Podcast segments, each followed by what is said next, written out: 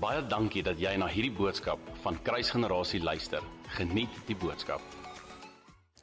Goed, ons het ons het nou al verklaar dat hierdie jaar gaan oor Jesus. Nie dat die ander jare nie oor hom gegaan het nie, maar ons het so ervaar hoe Heilige Gees verklaar en op ons harte kom druk dat hier 'n groter fokus, 'n groter emphasis sal wees op wie Jesus is en dat ons sal toelaat dat Heilige Gees ons meer sal leer van wie hy is. Daarom Jesus oral in die kerk en die groot banier hier agter met die naam Jesus en laasweek het ek gepreek oor die naam van Jesus en ek wil jou uitnooi as jy dit nie gekyk het nie, dit word vandag op Facebook gestream.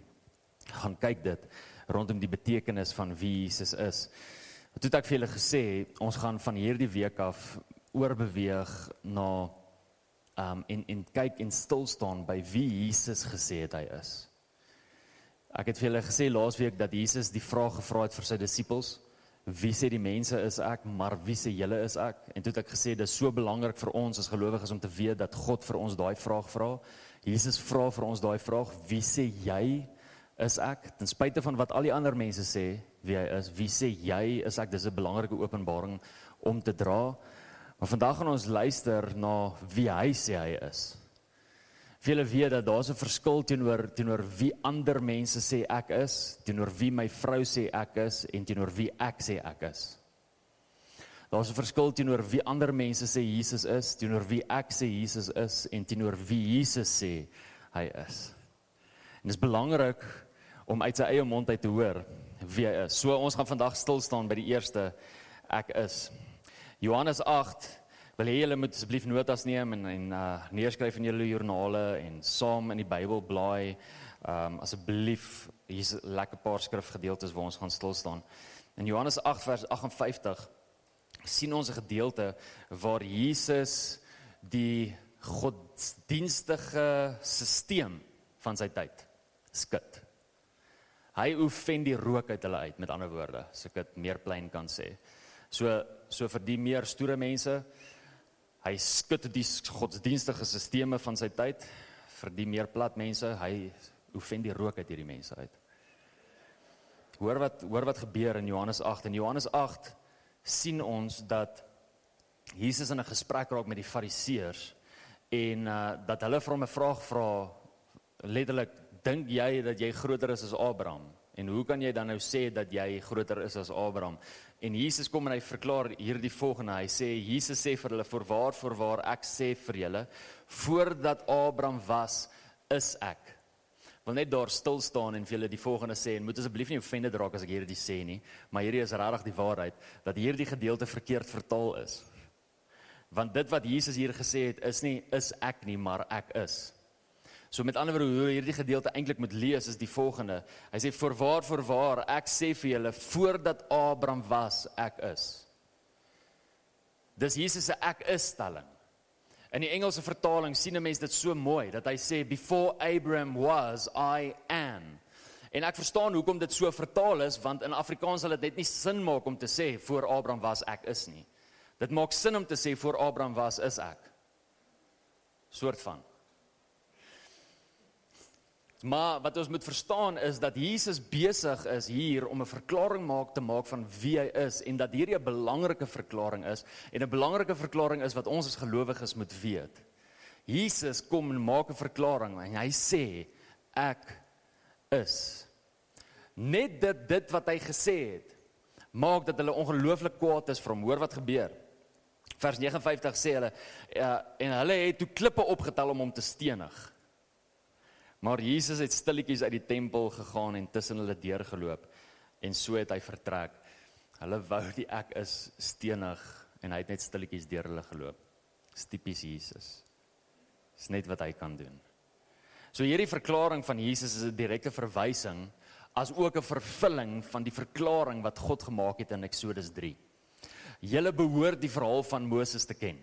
En jy behoort te weet hoe God vir Moses geroep het by die brandende bos. En Moses vir God, eh, ekskuus, God vir Moses sê dat hy die die rouklagte, die jammerklagte, dat hy letterlik gehoor het hoe sy volk uitroep na hom toe terwyl hulle in slawerny is in Egipte. En as gevolg daarvan tree hy op, sy hart word beweeg. His heart is moved with compassion towards the people of Israel.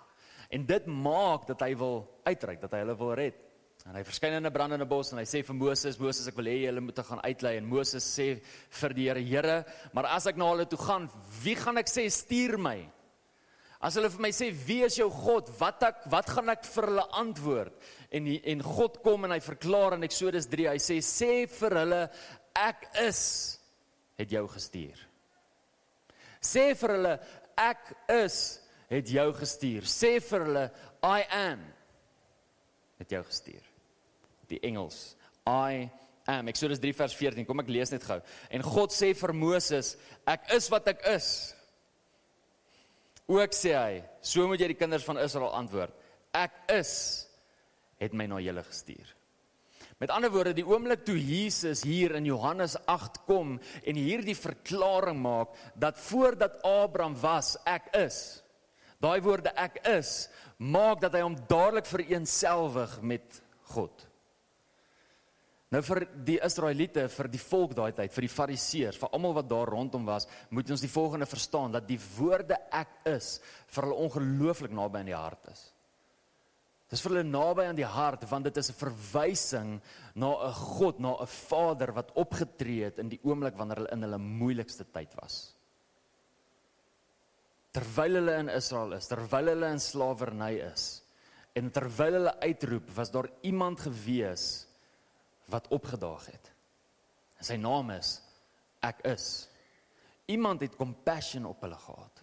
Sy naam is ek is. Hulle kon alles probeer om daar uit te kom, maar dit sou net nie gewerk het nie. Hulle het nodig gehad dat iemand groter opdaag en dit was die ek is. En die oomblik wanneer Jesus hierdie verklaring maak om te sê ek is, jy sien dan offend dit hulle want hierdie is iets wat naby in hulle harte is. Want dis die een wat ons red. Ek is is die een wat my red. Ek is is die een wat my hoor die oomblik wanneer ek deur 'n moeilike tyd gaan. En nou kom verklaar Jesus dat ek is, dat hy is die ek is. Dis wat Jesus kom verklaar. Jesus se ek is verklaring is 'n dis 'n herinnering aan wie hy is. Dat hy van die begin af van die begin af is en dat hy eintlik die een is wat vir Moses gestuur het. Jy sien in die Ou Testament het die ek is vir Moses gestuur. In die Nuwe Testament het die ek is self gekom.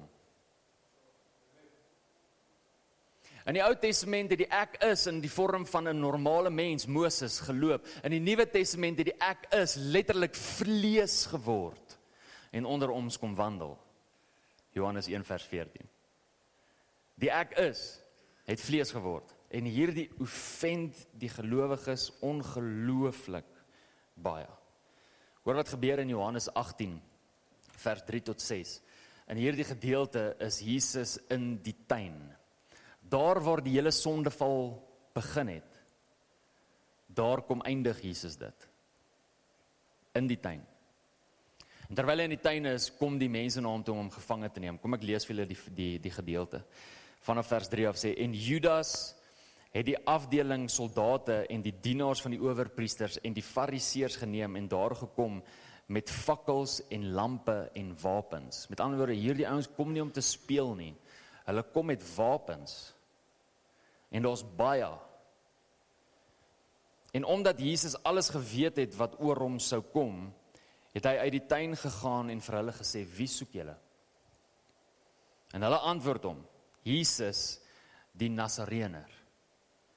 En Jesus sê vir hulle dit is ek weer eens verkeerd vertaal. Want in die Afrikaanse konteks maak dit is ek sin, maar dit wat Jesus hier verklaar is ek is hy. Ek is hy. Jesus sê vir hulle ek is hy. En hoorie, en ook Judas sy verraaier. Ek wil net sê dat die volgende gedeelte gaan ek lees soos wat dit eintlik vertaal moes wees. En ook Judas sy verraaier het by hulle gestaan en toe hy dan vir hulle sê ek is hy het hulle agteruit gegaan en op die grond geval.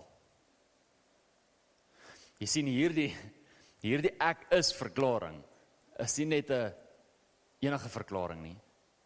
Hierdie ek is verklaring het letterlik die mag gehad, die autoriteit gehad om die aanklaers te verander in aanbidders in.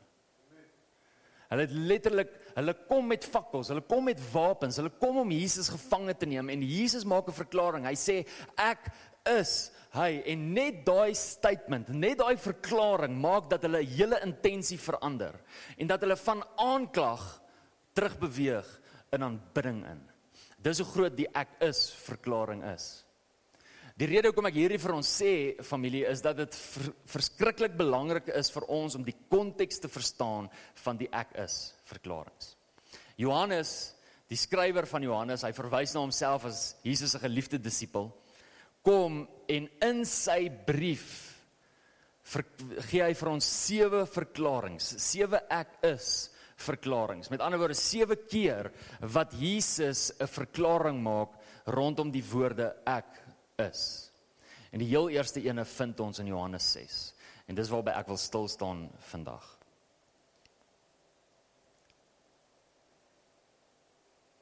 In Johannes 6 gaan ons lees vanaf vers 47 tot en met vers 53. Maar voordat ek daar lees, wil ek eers met julle 'n visie deel wat ek gehad het, 'n encounter wat ek gehad het met Jesus self. In 2018 het ons ons heel eerste groter werke konferensie gehad. Ons het hierdie jaar weer ons groter werke konferensie. Wil net dit sê. Ons um COVID het ons gestuit vir 2020 en 2021, maar nou gaan ons voortgaan en ons gaan groter gaan as as ooit. So ons groter werke konferensie is op pad in September. Dit gaan gebeur en ons gaan 'n amazing tyd hê. Maar in 2018 met ons heel eerste konferensie is ons hier voor. Ons is besig om te worship. Dis die sessie Ek kan nie onthou wie het gepreek nie, maar ek onthou wie het worship gelei, Darryl en Danya het worship gelei. Ek dink pastoor Tersius het gepreek. En in die aanbidding is daar so oorweldige oomblik van sy teenwoordigheid. Wat maak dat ek net nie meer kan staan nie. Die die die die teenwoordigheid is so groot ek kan nie meer staan nie en ek is op my knieë. En terwyl ek op my knieë is, is my oë toe, maar ewe skielik sien ek. Wie van julle weet dat ons partykeer meer sien met ons toe oë as met ons oop oë? because we live by faith and not by sight. Ons het partykeer nodig om ons oë toe te maak in gebed sodat ons meer kan sien as wat ons met ons fisiese oë sien. In elk geval, nietemin, ek is hier op my knieë en terwyl my oë toe is, sien ek. Ek sien hoe 'n hand brood voor my voor my druk. Ek is op my knieë en ewe skielik kom hier 'n hand voor my met brood. En my heel eerste respons is om 'n hap te vat. Dis my heel eerste respons en ek en ek breek so 'n stuk van die brood af en ek en ek hap dit en ek kan presies ek kan vir julle sê hoe dit proe alhoewel ek dit nie vir julle kan sê hoe dit proe nie, maar ek onthou presies hoe dit proe. Met ander woorde, dit is 'n visie. Dis iets wat nie fisies gebeur nie, maar dis iets wat fisies gebeur. Ek kan dit nie vir julle verduidelik nie, okay? Maar proe die smaak van hierdie brood en dis die lekkerste brood wat ek in my lewe nog geëet het. Dit dit proe soos soos 'n mengsel van van heuningkoek met julle weet daai middelste deel van die van 'n crunchy chocolate? Daai middelste gedeelte met so 'n bietjie sout tussenin. Ek dit was lekker okay? Dit was 'n lekker brood. En terwyl ek hierdie brood so geniet kom die hand weer en hy gee weer vir my. En ek vat weer daarvan maar hierdie keer toe ek daarvan vat hoe wil ek kyk wie is die persoon wat vir my brood gee. En terwyl ek so opkyk is Jesus voor my en ek sien hoe hy vir my hierdie brood gee en ek vat van hierdie brood en ek eet van hierdie brood en hy smile vir my en ek sê Here kan ek nog kry? En hy gaan so let ek weet hierdie is gruesome maar dis wat gebeur het. Hy vat uit sy been uit 'n stuk vleis en ek sien letterlik weer is weird okay maar dis wat gebeur het Ek sien letterlik hoe daar 'n stuk vleis uit sy been uitkom. Ek sien die bloed, ek sien die weefsel. En terwyl hy dit na my toe bring, sien ek hoe hierdie stuk vleis in brood verander en hy gee dit vir my. En op daardie oomblik weet ek, ek is besig om van Jesus te eet. Ek is besig om van Jesus te eet. Ek is besig om van die lam te eet. Johannes 6 vers 47 Jesus sê die volgende: "Voorwaar, voorwaar, ek sê vir julle, wie in my glo, het die ewige lewe." Wie glo in Jesus? Prys die Here, jy het die ewige lewe. Vers 48. Ek is, hier is sy eerste verklaring, hier is sy eerste ek is verklaring. Ek is die brood van die lewe. Ek is die brood van die lewe. Maak my visie so klein bietjie meer sin, né? Nee? Ek is die brood van die lewe. Hoor hier. Julle vaders het die manna in die woestyn geëet en gesterwe. So, kom ek bring net gou konteks. Vers 50 is my merk. In die Ou Testament terwyl hulle in die wildernis is, Moses het hulle uitgelei, hulle is in die wildernis en in daardie wildernis het hulle nodig om te eet. En hulle murmureer en hulle vra vir die Here, Here, hoe gaan ons eet? En die Here stuur vir hulle manna. Elke oggend Elke oggend kan hulle vir hulle self manna eet, maar hulle mag net vir daardie dag genoeg vat. Hulle mag nie genoeg vat vir môre nie. sien julle die geloof om in die Here te vertrou van die feit dat hy môre ook sal vir jou sal voorsien. Maar op die 6de dag moes hulle dubbel gevat het vir die 7de dag. Dit is so amazing hoe God werk. Want op die eerste dag as jy gevat het en jy te veel gevat dan het dit wurms gekry. Maar op die 6de dag moes jy genoeg gevat het vir die 7de dag en dit het nie wurms gekry nie. Is so amazing hoe die Here hoe die Here werk.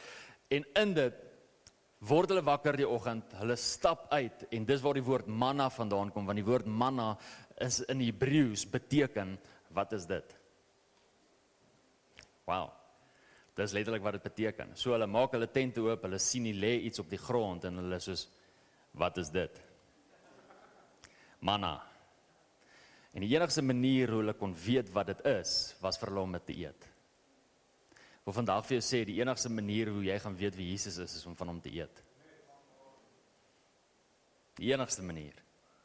En weet julle wat die amazing ding van manna is, daar was elke dag. Kan ek vandag vir jou die volgende sê dat daar vir jou elke dag, elke oggend vars openbaring is van wie Jesus is. Elke dag is daar nuwe manna. Elke dag is daar iets nuuts wat jy kan eet van die lam. Is daar iets nuuts wat jy kan eet van wie Jesus is. Elke dag. So maak seker dat jy dit geniet. Anders mis jy uit op al daai manna wat daar gelê het. So in die Ou Testament is dit hoe Jesus Jesus God die mense gevoer het om seker te maak dat hulle nie sterf nie. Vers 50 hoor wat sê hy, dit is die brood wat uit die hemel neerdal sodat iemand daarvan kan eet en nie sterwe nie. Ek is die lewende brood wat uit die hemel neergedaal het. Hoor julle wat sê hy? Ek is die lewende brood wat uit die hemel neergedaal het. Met ander woorde, wat Jesus sê is die volgende: God het weer manna gestuur. God het nie net manna gestuur in die Ou Testament nie. God kyk na die mensdom en hy sien dat hulle geestelik honger is en hy sien dat hulle antwoord het op hulle geestelike hongerte. En hy stuur weer manna. Hy stuur vir Jesus. Hy is die lewende brood wat uit die hemel gestuur is.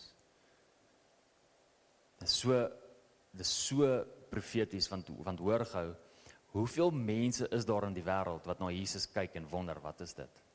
Wat na Christendom kyk en wonder wat is dit? Verstaan julle? En die enigste manier hoe jy kan weet is as jy dit eet. So profeties.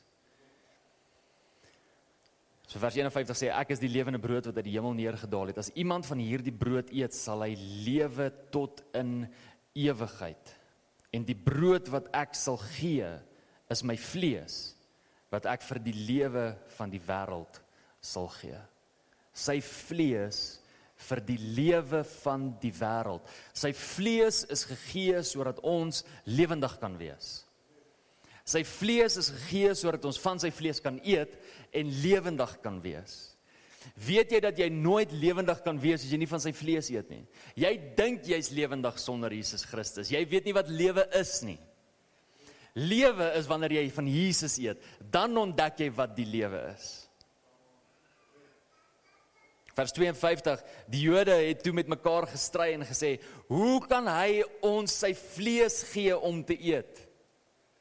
Hoe is dit moontlik? Hoe kan ons van sy vlees eet? Ons is nie kannibale nie. Wat 'n verklaring maak hy? Vers 53 sê Jesus vir hulle: "Verwaar, verwaar, ek sê vir julle, as julle nie die vlees van die seun van die mens eet en sy bloed drink nie, het hulle geen lewe in julleself nie."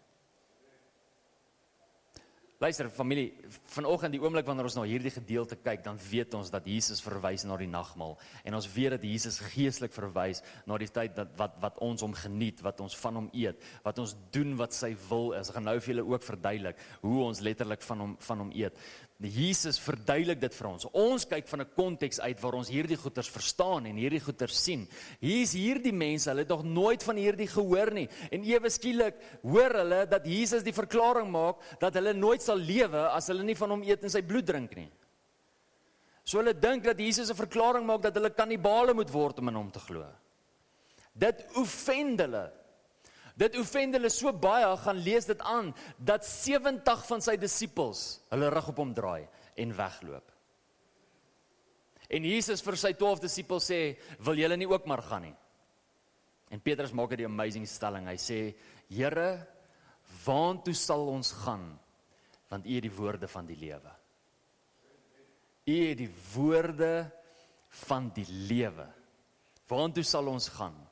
Jy sien vir ons as gelowiges weet ons dat ons nie lewe het sonder Jesus nie. Waartoe sal ons gaan as Jesus nie daar is nie? Waartoe sal ons gaan as Jesus nie in die prentjie is nie? As jy Jesus uit die prentjie uitvat, moenie daar wees nie.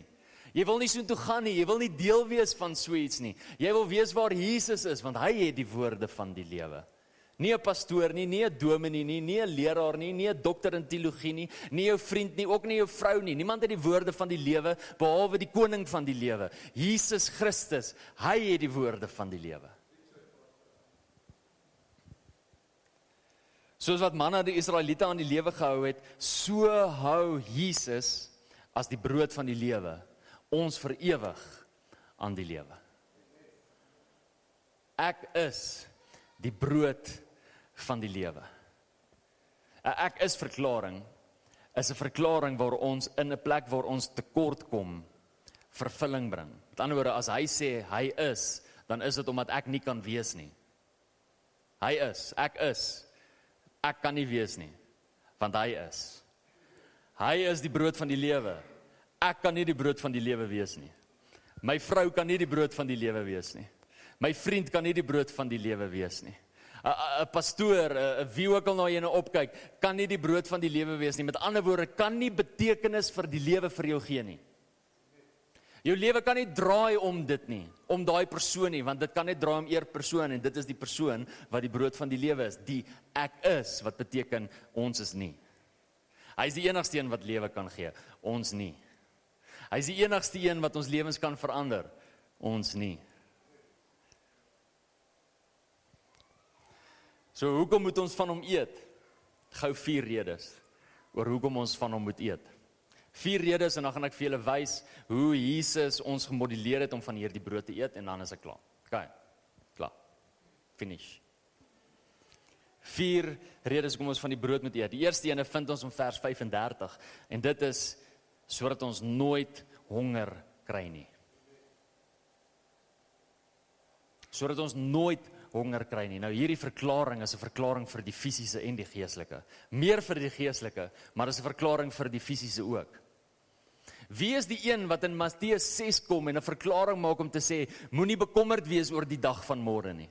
Wie is die een wat daai verklaring maak? Die brood van die lewe. Wie is die een wat verklaar dat die oomblik wanneer ons van hom eet ons nooit gaan honger ly nie? Die brood van die lewe. Wie is die enigste een wat dit kan verklaar? Die brood van die lewe. Hy is die enigste een wat dit kan verklaar. Hy is die enigste een wat kan verklaar dat hy vir ewig vir my sal sorg. Hy is die enigste een wat vir my kan verklaar dat daar vir ewig brood op my tafel sal wees. Matteus 6 vers 33 sê soek alle eers die koninkryk van God en sy geregtigheid en al hierdie dinge sal by jou bygevoeg word.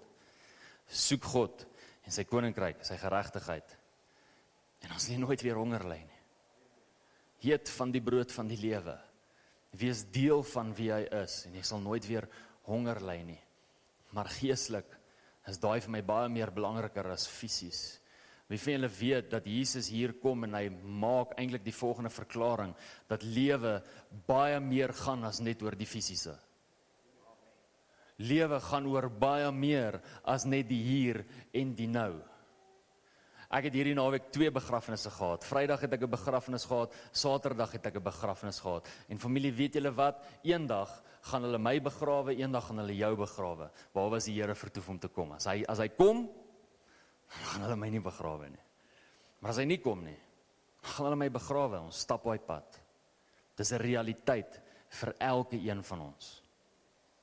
Maar prys die Here vir iemand waarvan ek kan eet sodat ek nooit nooit hoef te wonder wat met my gaan gebeur.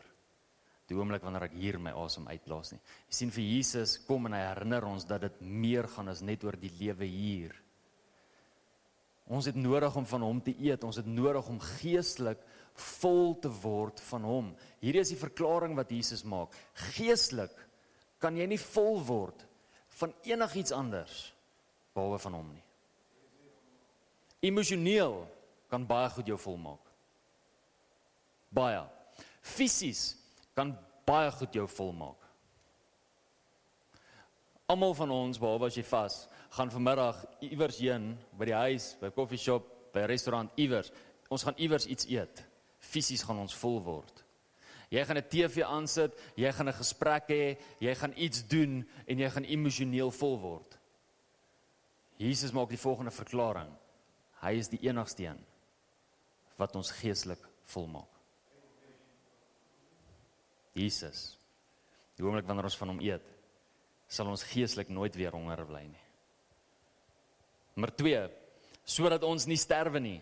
Wat staan in vers 50 en vers 54 sê vir die ewige lewe. So sodat ons nie sterwe nie en vir die ewige lewe. Ek het nodig om van die brood van die lewe te eet sodat ek nie sterwe nie en sodat ek vir ewig lewe. Die wat nie van hom eet nie, Maar wanneer ek van hom eet, gaan ek nie sterwe nie, gaan ek vir ewig lewe. Ek het nodig om van hom te eet. Jy het nodig om van hom te eet. Wie hy is. Die derde rede hoekom ons van hom moet eet is anders het ons geen lewe in onsself nie vers 53. Anders het ons geen lewe in onsself nie. Ek het dit nou-nou gesê, buite Jesus is daar nie lewe nie. As jy wil weet wat die lewe is, moet jy binne in Jesus wees. Hy is die een wat lewe gee. Hy's die weg, die waarheid en die lewe. Hy's die opstanding en die lewe. Dis nog van sy ek is verklaringe waarby ons nog gaan kom. Sonder Jesus is daar nie lewe nie. Die vierde rede sodat ek in hom kan bly en hy in my. Vers 56.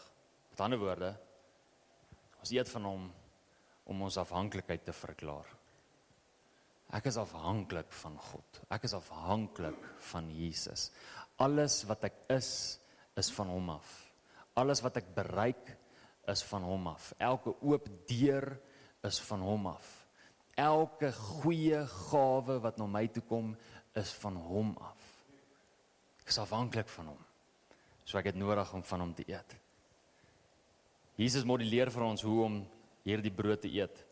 In Johannes 4 terwyl hy gesels met die vrou by die put kom sy disippels na die tyd na hom toe en hulle bring vir hom kos.